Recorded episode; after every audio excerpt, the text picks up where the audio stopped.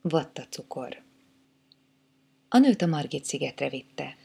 A rózsák tere, vélte, feszes elegancia. Nekem túl lapos. A nőnek jó lesz mégis, bár én kisé szomjazom. A nőnek jó lesz. Félúton vatta cukrot vett neki. Édes, gondolta, ahogy kényeskedve finnyázza az ujjáról.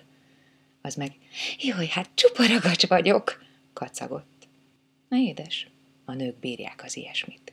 De mondani csak annyit mondott, hogy na hát, még a hurkapálca is globalizálódott, mert miféle új divat, hogy papírhengere vatta cukrot. S a nő már ellenvetéssel mondta, a papír mégiscsak olcsóbb. Fejét ingatta. Nagybányán nyúlánk, szögletes karóra ültetik, muskátlikat szoktak kötözni ilyesmihez. A nő ránézett gyanakodva.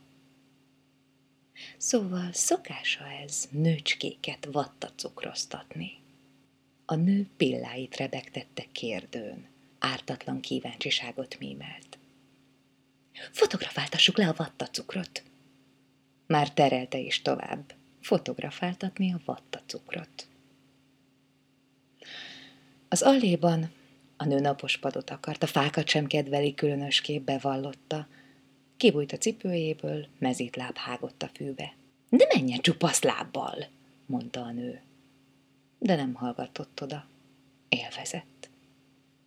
Később mellé ült, csak bámultak bután. Olvassak magának? Akarja? kérdezte. Hirtelen eszébe jutott. A nő akarta, és akkor olvasott kimérten, döcögve. Már háromszor ötven frankot adott neki. Gedeon maga barom, maga kitartja ezt a szellemet.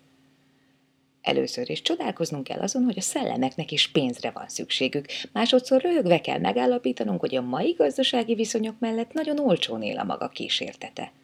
Meg kellene kérdezni, hogy csinálja.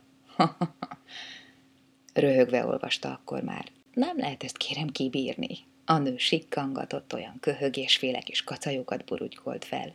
Bibus! Akkor elmúlt a szomja.